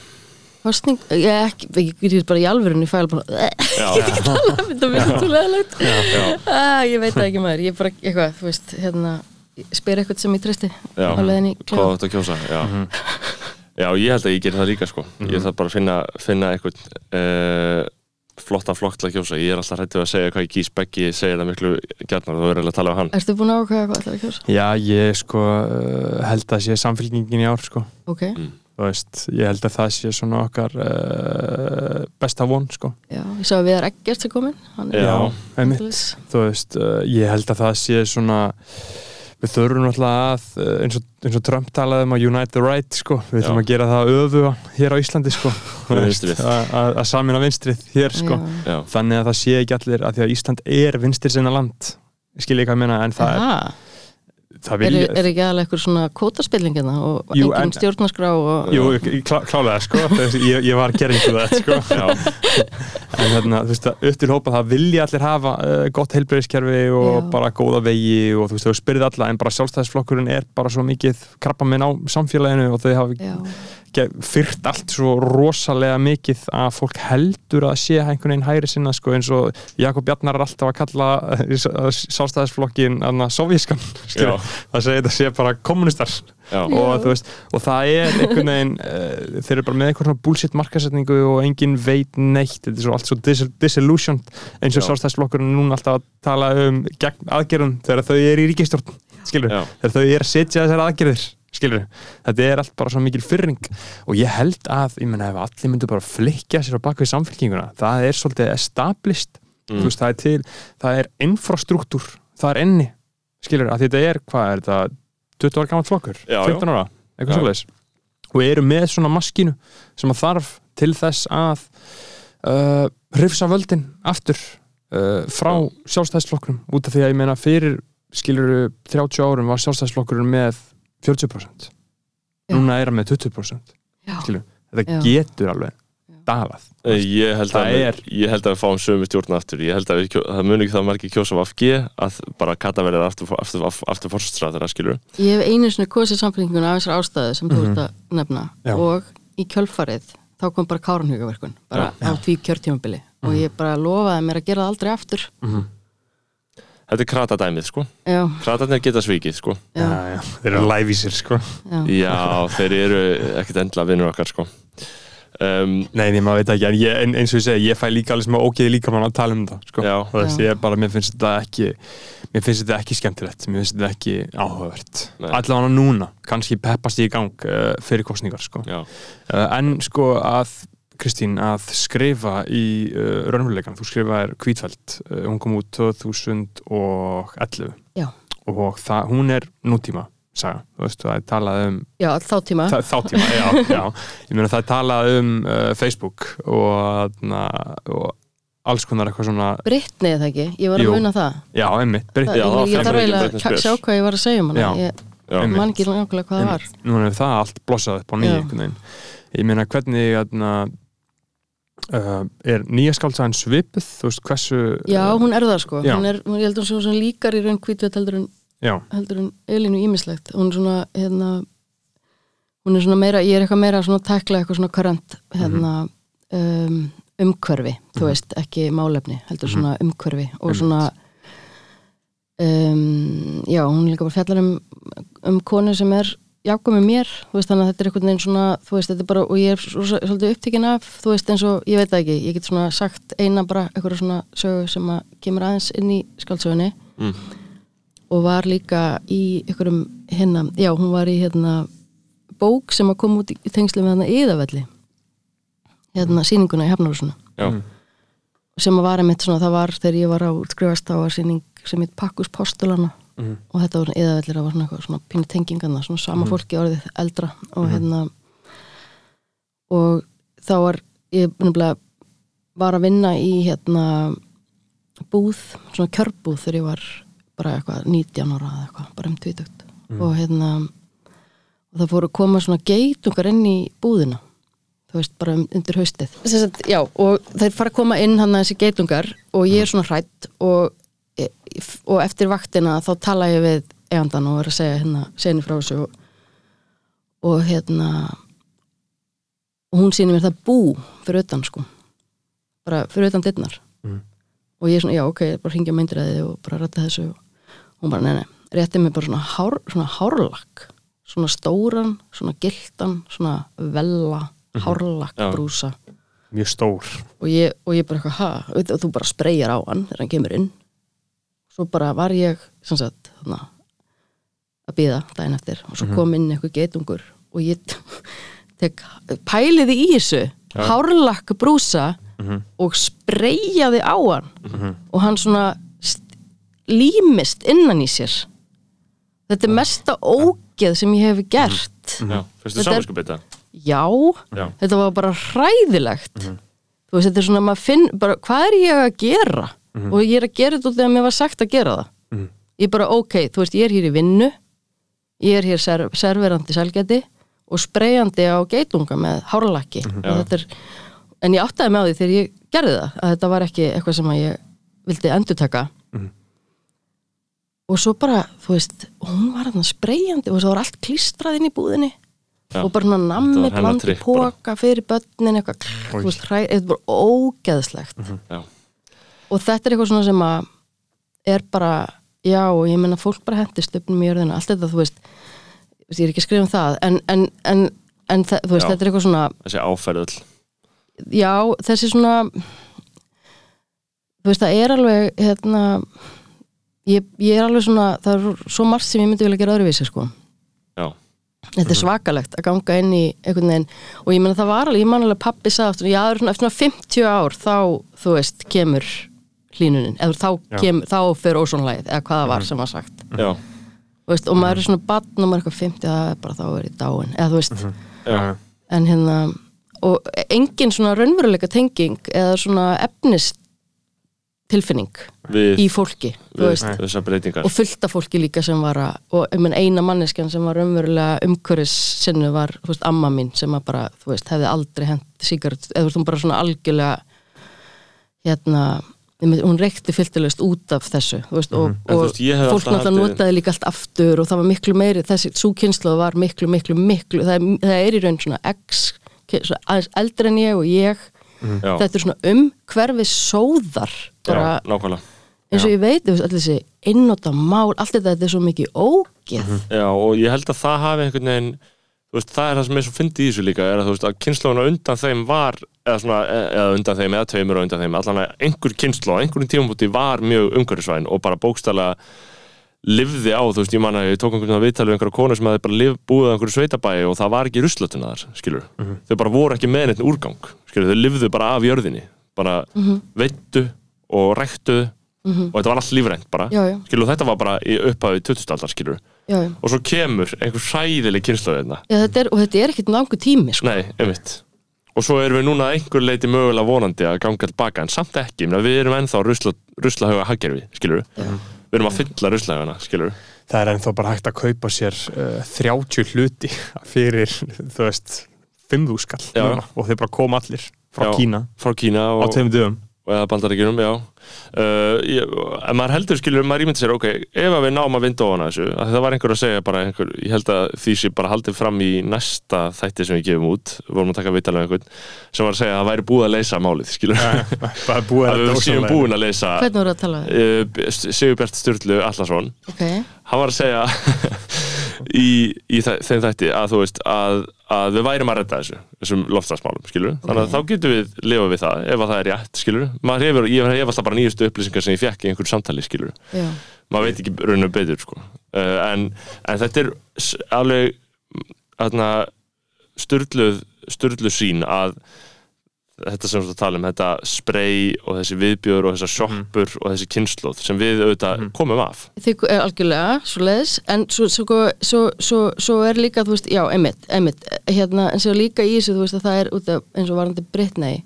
Já, og ég veit ekki, eru þið búin að lesa bók sem heitir, hérna My Dark Vanessa? Nei, hún var að koma út á íslensku held ég. Já. Ég, la, ég las hann ennsku samt. Og um hvað er hún? hún er svo mikið um sko, hún er um, um hérna uh, hún, þetta var svona MeToo bók. Mhm. svolítið svona köllu það og ég var með eitthvað svona, ég var eitthvað, hm, eitthvað held hún hefði verið eitthvað skrifið inn í eitthvað svona, væri eitthvað svona pop, eitthvað poppari sko. En svo fór ég að lesa mig til um hana og eitthvað og, og, og lesa hana. Og hún er alveg merkið sko, hún er einmitt um, þú veist, hún er aðeins eldri en ég, hún er 77 held ég, hérna, sem hún skrifar bókina. Og hún hún er með hérna sko Britney einmitt sem svona referens og er svolítið að taka hennan út af því að þú veist þarna á þessum tíma líka sem er aldamótin sko Já, sem er sömarið mitt þarna í þessari Nákvæmlega. sjópu sérska bát. Að þá hérna, þá er líka sagt, já, Britney Spears er að koma og það er sagt rosalega skrítið að það voru sagt börn voru mikið í G-strengjum. Mm. sagt, það voru svona, ef þú varst tíu ára þá varst G-streng já, en ég, ef að fullor þess að full, full, eða, þú veist, já, full, fullorðnar konur uh, það, þú veist, það, það var bara svona teiknumynda nærbuxur, það var bara bómilla nærbuxur með snúbi, bara í HM bara Já. á línuna, þú veist þannig að, þú veist, og það eru svona og svo kemur Britney Spears með afahattin þið veitir, Já. og í skólabúningnum Já. og Fiona Appel með vídeo sem er eins og bara Polaroid myndir frá já, Já. einmitt. og það er eitthvað svona tíska sem er barnanýð Já. já. Þetta er ógeðslega skrítið menningalegt fyrirbæri. verða þetta um aldamótin Já, og þetta erum við að koma úr, sko. Þetta Já. er það sem við, sko, þetta er svona jarðvegurinn, sko. já, Og, og það er, og hugar allra eru náttúrulega síktir að þessu öllu, skilur eða allir svona traumatíseraðir eftir þetta einhvern veginn, já, ég meina þetta er alveg, þetta er rosa skrítið, sko. Og þetta er eitthvað sem hún er að gera mikið upp í þessari bók. já, Og hérna, og uh, sko, þetta sem sagt er bók sem að fjallar um hérna grooming.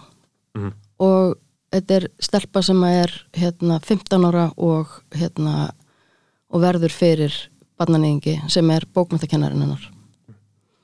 Og hérna og þetta er svona, og þetta er þessi tími þar sem að hún er, já, þetta er svona aðeins þetta er svona, þetta er svona minn tími, ég svona skil hvar, hvar hún er. Já, og það er svona rosa einmitt, hún, hún, hún, hún, hún er, þetta er svona, svona, svona deilir á Lólítu þetta er Nabokov já, uh, sem er frábæð bók og, hérna, og bókmyndafræði professorinn mitt gefur henni Lólítu akkurat. Og þetta fannst mér eitthvað svona, ég hugsaði já nákvæmlega út af því að þú veist, og, og þetta er allt þetta sem við erum svo mikið að, að tala um og fjallum loksins að hvernig svona uh, hvernig, hvernig konur fá mailgaze bara í fæðingagjöf. Þú veist, við bara, þú veist, sjáum allt eins og kallmenn út af því að það er bara, við höfum alltaf fengið maður þarf alltaf að hliðra sér Já. fyrir efni, þú veist, maður þarf að hliðra sér til þess að horfa sjónastátt já, maður veit að kona bregst ekki svona við. En maður svona, jú, en kallmaðurinn vill að hann bregði svona við þannig að við sjáum hann að bregða svona við. Mhm. þú veitir, þú veist þannig að maður- það er einhvern veginn svona, þetta er að breyta sem betur fer. En hérna þannig að þú veist, þetta er mjög mikið um þetta og hún einhvern veginn, hvernig hún svona og, er, og hann setur upp í raun svona þetta þú veist að þetta er, bara, þetta er líka þetta svona, ef þú fílar ekki lólítu ef þú ert eitthvað, skilur, þá ertu tebra og þú ert smáborgari, skilur Já. sem er líka þessi svona ex-kynslar stemning, Já. rosa mikið og rosa mikið svona þessi svona hérna, og svona bara, og þetta er náttúrulega rosalega svona mikið, tran, er svona mikið transgressjón þú veist, ég er fornám í, þú veist, í Danmörku og Svíþjóð, ja, sem Svíþjóð talst ekki með, það var engin trans, trans, transgressjón þar, það var mjög svona hefðbundu skóli en í Danmörku og veist, og það, það er allt bara, það snýst allt um að fara yfir mörg já, í myndlist sko og listum, þú veist, á þessum tíma. Það er allt bara, og við sjáum bara vínaraktiðistana, þú veist já, sem hefur rosalega mikil áhrif. Að það er alltaf bara, þú veist, Marina Abramovic það sem hún er, þú veist uh, nakin og borð með vopnum. Og sýningagestirnir eru að taka hnífana og þykjast alltaf stingana og, já, og þú veist, þetta er gjörningur og, þú veist, og þa þa þetta fannst manni bara rosalega flott. Og og þetta er eitthvað svona, þetta er svo skrítin svo spiltur skrítin tími sem, Já, að já. sem að ég er að horfa á einhvern veginn núna svolítið úr, komin með eitthvað svolítið fjarl, fjarlæð á. Já, og það var rosa gott En að þú- lesa þessa bók sko. en þú náttúrulega þarna, ert á þessum aldri þarna, skilur, 20 ára þetta er svona, þetta er mótun ár þar sem allt er algjörlega mjög skrítið eða ekki, Jú, ég verð tvítur 2001 þú veist þannig að og, þetta er og, bara og, og ég er jafngumil Brittany, ég og. Brittany erum bara já, Já, ok. Heldur að sé ekki munur að al- vera þessum aldri á þessum tíma og að vera þessum aldri núna? Skilur, ég, ég vona það. Já, heldur að þetta hafi mildast ég núna? veit það samt ekki, þú veist, ég veit Er ekki, ekki veist, ég veit ekki, ég veit ekki neitt, skilur, ég, þú veist, ég er alveg svona held mér pínu frá, þú veist, ég veit ekkert hvað er að gerast. Nei, nei, það er hjá, hjá unglingum á internetinu, Mhm. ég er ekkert, þú veist, ég bara já, er það ekki, Jú, ég Ég held að það var ég nenni ekkert þangað að sækja sko. Ég höndla ekki þessa uh, stemningu. Nei, um, minnst þetta mjög flatt, sko. Já, Mhm. en hérna, Hvernig, hvernig það var flatt? nei bara, þú veist, ég náttúrulega er ekki á Twitter þannig ég er kannski ekki að dæmi um það þið veitir, en, en svona, þú veist, svona samfélagsmiðlar þetta er svona ég, ég, hræ, ég, svona, ég, ég get ekki alveg þessa þennan tón, sko. Nei. nei Tónnin er sá að, að uh, hlutir séu að það var einhver, það var einhver, reyndar einhver að krýtsera um þetta á Twitter, það var einhver brjálæri gær að því að tveir kallar sem voru með útastátt voru að segja voru að segja skilur uh, að það væri svo galið að, að öll umræðu öll völdin í umræðinu væru komin til einhverja á Twitter skilur en þeir voru að segja það í útastættinu sínum sem allir Já. hlust á skilur Har, Harmageddon, eða? Já, Harmageddon, Jakob Bjarnar og Frosti. Uh, þú veist að, að þetta er svona ég held að ég held að, ég held að þetta hljótu og ég fór að hugsa þá veist, ok, þetta snýst þá bara um að fólk verður pyrrað þegar það upplifir valdalessi sko. Þú veist, bæði þeir og Twitter fólkið mm það verður bara allir brjálæðir þegar þeir upplifa valdalessi sko, að þau megi ekki ráða hvað er að gerast sko. uh, ég held að það hljóti að vera sko reyfi aflið í um mitt allir þessi, klikkun sko. En, en það er off, það er, það er off topic. Við vorum að tala um sko þessa bók og þessa kynslu já, en þú veist, að því að maður hugsa alltaf skilur hvort þetta sé að verða verra og verra og, þú veist, og þessi list með að fara yfir mörg erum við ekki ennþá þar eða þú veist að það sé einhvern veginn uh, eftirsótt þegar fólk er að skapa list að reyna að ganga fram á fólki eða uh, Ég sáði fréttina um hana Ragnar Makman í Glasgow. Með hvað var það? það er búið, hún var sett upp hérna svona útilistaverk Já, um, það er Garður í Glasgow. Hún setti útilistaverk sem er svona eins og málaðir rau- og rauðir hælar. Þau eru að opna hliðið. Þú veist það er eins og að sé að opnast þú gengur inn í klof. Já, Já. Þetta er svona mjög veginn og þetta er svona, eða þú veist, þetta er svona já, svona hérna, næfiskur stíll, ekki þetta er næfiskur og hérna uh, svo, sagt, og málega er það, var, það, það, er, það, er, það er konum nöðgað í öllum görðum Já. heimsins. En það var sem sagt konum nöðgað í þessum garði Já. í februar minni mig.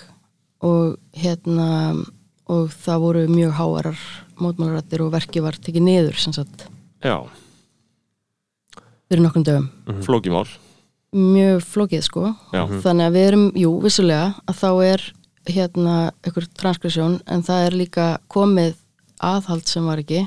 Já, eða mótstaða, Já. ekki aðhald. Eitthvað svona mótaði mótvægi við uh, transkrissjónuna kannski. Já, og veist að það eru komna rattir sem að og þá kannski einmitt út af því að það, þú veist, það er eins og Eh, Þú hefur náttúrulega verið í fjölmjölum uh, aðeins á þessu ári núna fyrir skemmstu í tengslu við uh, mál þar sem að þú uh, fóst já, ég ætla ekki að segja hörðum orðum um uh, e, þína upplöfun að því hvernig uh, nýlega sjónvarserja blasti við þér sem var á sjónvars Símans sýstrabönd uh, þú skrifaðir og fluttir pistil í Víðsjá þar sem þú talaðir svolítið um það að þetta væri svona þetta væri sláandi líkindi uh, á millir þessara verka. Ég meina hvað uh, hvað hefur þetta mál þýtt fyrir þér? Hvað, hvað hefur þetta að segja?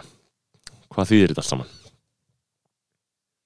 Já, ég, hérna, einmitt. Þetta var bara mjög sérstök lífsreynsla og hérna kannski ekkit svona sniðut að ég sé að fara eitthvað í einhverjum smáatriðum út í svona þetta mál. Nei. en ég er svona búin að uh, læra svolítið mikið um hérna um hérna höfundarétt og, og pælar og svo mikið í þessu líka sem að sem að var bara mjög áhugavert já það er ekki kveikt á uh, nei, já, það er alltaf að hinn heitintólina já, hinn heitintólin já, já, hinn er þetta, einmitt. þetta. Já. já, þannig að hérna, já, þannig að ég er búin að pæla rosa mikið í þessu og þetta er ógislega áhugavert hver eru reglunar? Hvað, því, hvað, hvað er þetta? Hvernig virkar þetta eiginlega? Hvað má maður?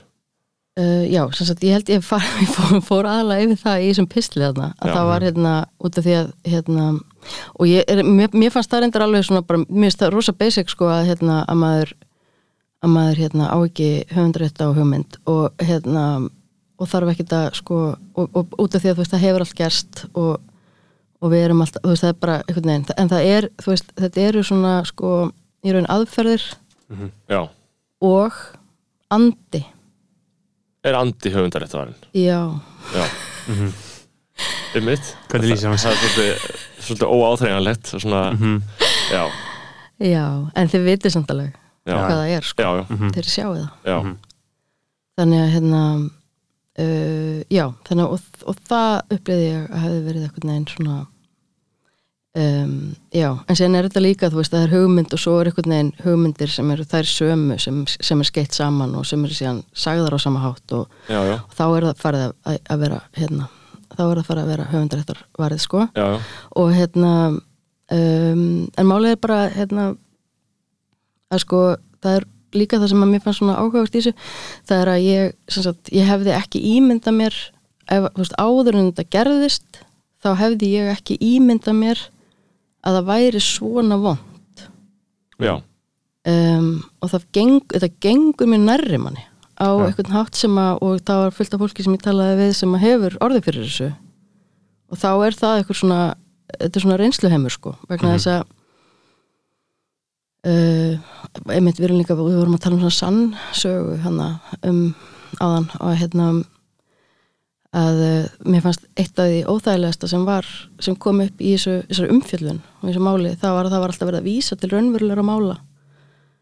Um, og meira segja var talað sko, það, það kom held ég út af því að sko, sagt, málið er að ég uh, skrifa þetta verk fyrir sokkabandið sem að eru hérna Elma Lísa, leikona og Artís Hrönn og Birgitta Birgis.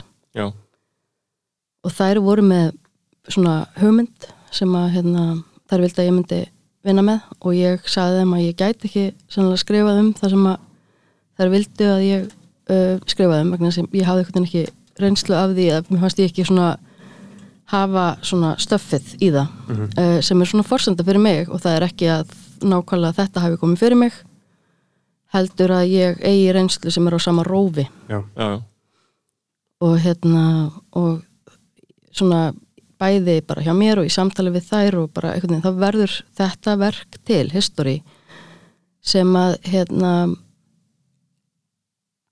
síðan þegar við erum bara og, og það ég byrjuð að skrifa það og, við, og það er alveg komið, þannig premissin er komin og allt og þá munum við eftir máli sem að hérna, það sem gerðist það sem, og, og það sem að ég var svo rosalega hörð með það sem þegar þetta kemur upp það var einhvern veginn að við erum ekki að horfa á það. Það er ekki það er, pers, það er bara, það er persónuleg hérna, einhver, sa- það, við eigum ekkert í því. Já, við erum ekki að horfa á það. Mm. akkurat. Ég er að vinna er hérna ég er að vinna hérna þú veist, listaverk Mm. og hérna þú veist, ef ég væri með fimm leikara þú veist, þá væri, væri, væri þið þú veist, þú veist, þetta er bara tilviljun. Þú veist, Nákvæmlega. Og svo er bara aldurinn og þetta bara kemur einhvern veginn og ég, og ég bara, og ég frábað mér allir umræðu um einhver sko, einhverja fyrirmyndir. Já, um, út af því að ef að ég hefði farið að hugsa um eitthvað raunverulegt fólk að þá kemur inn akkurat þetta sem ég var að tala um við ykkur áðan Já, sem er já. hérna að þá kemur inn eitthvað svona, ég meina þá, þú veist og ef að maður er að fjalla um eitthvað sem hefur gerst í alvörunni að þá er maður bara annar staðar stattur, þá tala maður við viðkomandi, maður bara leifi maður bara, þá er maður að gera heimildaverk þú veist, það er bara allt, allt annað. Nákvæmlega. Og mér meira sér alveg sama skil. þó að sé, þú veist, eitthvað sem maður sér ekki veist, þetta er bara, þetta er svo mikið virðingaleysi já, Mhm. og ég myndi aldrei gera það Mhm. en það sem gerir síðan er einhvern veginn að uh, að þú veist, það sem að kannski er hægt að segja að það sem gerist er að ég er bara, ég heyri þessar fréttir af einhverjum málum og ég man ekki, þú veist, og það hefur áhrif á mig þegar ég er að skrifa verkið já, en þá er ég að byggja á því þá er ég að byggja á því að ég Þeim hafi heyrt eitthvað já. Og ég sjálf bara rosa vandræðanlegur þú veist, Já. á þessum tíma og einhvern veginn bara og það sem kemur þarna inn af einhverjum svona unglingstilfinningum og það er bara allt eitthvað sem er bara, bara minn reynsluheimur sko, þú veist, þannig að þetta er mjög persónlegt verk og hérna já, mér fannst mér erfitt að heyra talað um þetta eins og ég hefði verið bara eitthvað með eitthvað í huga og með á eitthvað svona og, og algjörðu það kemur svo, það, það dæmi kemur frá leikstjórunum já, út af því að þetta er náttúrulega leikhús. Það er samstarf og það er eitt sem er líka verðt að taka fram og það er að uh, sýningin sjálf, hún er náttúrulega ólík leikritinu sem að maður sér akkurt upplesið eða bók. Mhm. vegna þess að það er svo margt sem kemur inn í bæði frá leikstjóra og bara sviðshönnuði og leikurum og bara rosa mikið af alls konar sem kemur inn í sýningu. Og það var margt sem að ég sá sem var eins sem að var úr sýningunni já, nákvæmlega. Sem að ég skil ekki alveg þú veist og þetta eru svona, at, bara svona eitthvað svona estetísk atriði bara þú veist að það er verið að hugleiða og vöka plöntur í fyrsta þættinum í bæði skilur en það er náttúrulega ekki í, í rituðu, það er ekki í leikritinu en það var þannig á sviðinu um, svo bara gerist það líka í þáttunum þú veist, og, og svo getur einhver leikstóri farið eitthvað viðtali einhvern mann og sagt eitthvað um, um einhver líkindi eða eitthvað svona eitthvað, eitthvað dæmi skilur og þá er það búið að tengjast við verkið einhvern veginn líka. Já, ég, ég, ég já veit samt ekki til þess að það hefur gerst en- Nei, nei, nei, það, þú veist, en, en, en síðan bara hefur svona kannski líka ykkur, ef maður sér eitthvað að það hefur ykkur dulviti áhrif, ég veit það ekki, Já, en já. allavega þá, þá, hérna, uh, að þá sem sagt er Ólafur Egilson sem er leikstjóri, Já. hann greinilega hefur tekið svona þú veist, hann hefur til þess að tengja sig inn í vinnuna, Mhm. þá er hann verið einhvern veginn og hann fyrir að tala um ykkur íslensk mál já, í ykkur upptöku sem er á YouTube og ég vissi ekki af þessu sko. Mm, já, þannig að þetta kemur frá honum Sú þannig að það er verið að vísa í hann og ég fekk svolítið áfall sko þegar ég átti með þessu. Já, og hérna og finnst mjög óþægilegt að, hérna, að, þetta, að þetta hafi bara komið upp sem vingil vegna þess að þetta er ekki þetta er bara, þú veist, þetta er bara eitthvað sem að bara, mér þykir svo ótrúlega leitt bara að hafi gerst sko. Já, já, að, að, þess- að þetta hafi verið spyrt saman við einhvern raunveruleika sko, Nákvæmlega. Í- bara, sem ég á ekkert í sko. Nei. Einmitt. og, og svo er það þegar sýstrabönd síðan eru k- koma út og þá eru þau tengd við einhvern veginn sama mál. Mm, ég veit það ekki en svo Já. eru þau alltaf að tala um eitthvað annað mál sko. Já, já, akkurat, svo tala um eitthvað allt annað, annað mál sem er mjög ólíkt og, og mér finnst það líka alveg eins mér stókslega eitthvað, þú veist, ég menna ef þú ætlar að fjalla ef þú ætlar að gera sjónvars þetta skilur, byggða á einhverju máli þá bara, ver, þá bara verður maður að fá leið og kynna sér tala, maður gerir ekki, maður tekur ekki bara eitthvað. Nei, Þú veist, það er svo ruddalegt eitthvað. Já, já, Mhm. Einmitt.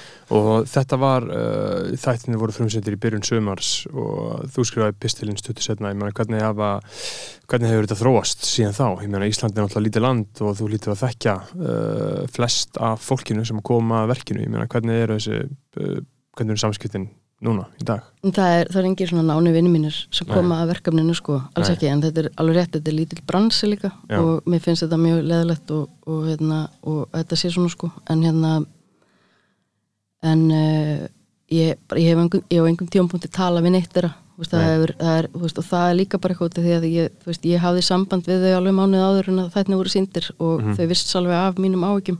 Já. einmitt. Og ekkert er að ringd í mig, ekkert er að talaði við mig. Það var alltaf bara einhvern veginn hérna, fórstjóri sagafilm og lögfræðingurinn hans einhvern veginn, eða þú veist sem er vinnur þarna líka sem er lögfræðingur, það var alltaf bara ég var sett beint í sambandi þá Mhm. og aldrei er einn að tala við kollega mína sem eru þarna, þú veist, sem að mér finnst bara líka hefði alveg mátt á mér sko. Já. og þú frétti bara af þessu þegar þú sérð þarna á, í sjónvarpinu á rúf Já, ég sem sagt frétti bara þann, eins og ég sagði líka held ég í pislinum og þá var sem sagt bara, hérna, frænka mér hringdi í mig og sagði mig frá þessu, bara heyrðu, það er hérna Mhm. svo er ég bara líka, þú veist, ég meina pappi sá þetta og hélt, var hissa að ég hef ekki sagt hann frá þessu skilur að það væri búið að gera þætti þú veist, og já. já. já, þannig að þú veist þetta er ekki þannig að ég hef startað umræðina sko. Nei, nei. það er bara Akkurat, þannig að bara fólk er bara að tala við mig um Einmitt, þetta þannig að Mhm. það er ekki, þannig, þetta er ekki eitthvað sem ég er búin að gera það er ekki þannig sko. Nei.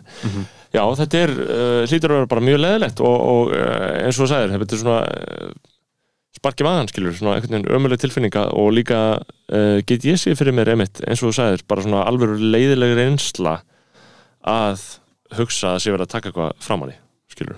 já, eða svona þetta er, svo, þetta er grottalegt sko. Já, einhvern veginn að hérna að hérna ég náttúrulega hef, ég hef ekki, þú veist, ég hef bara heyrt það sem þið hafi heyrt, ef þið hafi fylgst með þessu þú veist, Já. ég veit ekkert hvað þau eru að hugsa nema Nei. bara þetta, þessa yfirlýsing þar sem þið segjast ekki hafa uh, fengið neina áhrif frá leiksýningunni og svo þarna að einhver meðvitundum einhver, lí- eða þú veist, ég man ekki hvað hún sagði en þú veist, ég veit ekkert hvað þau eru að spá þú veist, Nei. þannig að ég hérna er bara með mína versjón já, Mhm. akkurat. Uh, af þessu einhvern veginn Og svo þróast það einhvern veginn uh, mhm. á einn veg eða annan. Já, og fyrir hlustundur sem hafa ekki hlustað á uh, pistilin sem kemur fram í honum að sem sagt þegar að sýningin var í sýningu þá var einn handreitshöfundana líka með sýningu í Borgarleikhúsinu. þannig að þú veist, að alla líkur á því og það er hægt að nálgast handreitið í öllum bókabúðum og allstaðar, Mhm. þannig að uh, líkurnar eru á alltaf að þau hafa verið mjög meðvitið um þitt verk Já, maður skal ekki segja. Já, og, Já. og það sem að, og þú veist, út af þau náttúrulega, hann sem sagt hefur fengið hugmynd Mhm. uh, sem er svona svipuð, mm -hmm. þannig áður, sem hann hefur sagt frá alveg oftar en eins og nei, Mm -hmm. uh, Jóhann Ævar, Mhm. og, og hérna, en, en sem sagt það sem að er svo skrítið í þessu er að þessi svona endutekning, það var að tönnlast á því sko, að hann Mhm. hefði fengið þá hugmynd Mhm. Áður og það er bara, þú veist, málið er að ég er að segja ykkur frá bók sem ég er að skrifa núna. Og hérna og eða kemur, ef einhver höfundur á Íslandi gefur út bók sem kemur út núna fyrir jólin sem er bara um það sama og mín bók Mhm. þá er ég bara í vondum málum. Já. þá þarf ég bara að breyta henni. Þá þarf ég bara að gera eitthvað annað. Já, ég get ekki sagt, já en ég var búin að skrifa hana ég er hérna með dagsetningar á skjali. Og ég var búin, það, nei það er bara, þetta er, þetta er hart sko, Já, þetta er bara eins og í fréttunum, skilur þú veist, þú, þú veist eitthvað, ég vil, ég vil vera fyrstu með það og svo er einhver fyrstur, þá get ég ekki sagt að ég hef samt verið með það, það þú, var þú bara einhver annar það þú fyrstur. vissir það á þér, þetta er Já. þannig sko. Einmitt. þannig að hérna, Já, eitthvað, ég vissi þetta en ég var bara ekki búin að skrifa þetta þá verði ég samt að vísa í þann sem sagði því bara frá fréttinni fyrst sko, þú veist, já, Það þetta er þannig, sko. þetta er svona sko. Já, það hérna, er sæðileg sæðileg, sæðileg veruleiki. Þetta er alveg leðilegt ég vona að enginn gerir það. Kom með, kom með bókina mín í ár en veist, það er bara maður veit ekki. Já, Mhm. Það er aldrei að heita aldrei að vita. Um, Einmitt, en uh, já, ég held að við þetta séum? Nei, ég held að við séum við erum búin að vera ansið dulli hérna í morguns árið. þriðdags að, morgni búin að fara yfir þetta allt. Finnst þér ekki bara gaman að koma í, í uh, hlaðvarp Jú, mjög gaman að hitta ykkur. Bara góð byrjun á deginum. Góð byrjandi Algjörlega, sömulegis Eh, bara takk hérna fyrir að takk koma. hérlega fyrir komuna. Og takk fyrir að lusta, kæra hlustendur. farið á Patreon, tjekkja á því. Og uh, ég byrð ykkur vel að lifa. Takk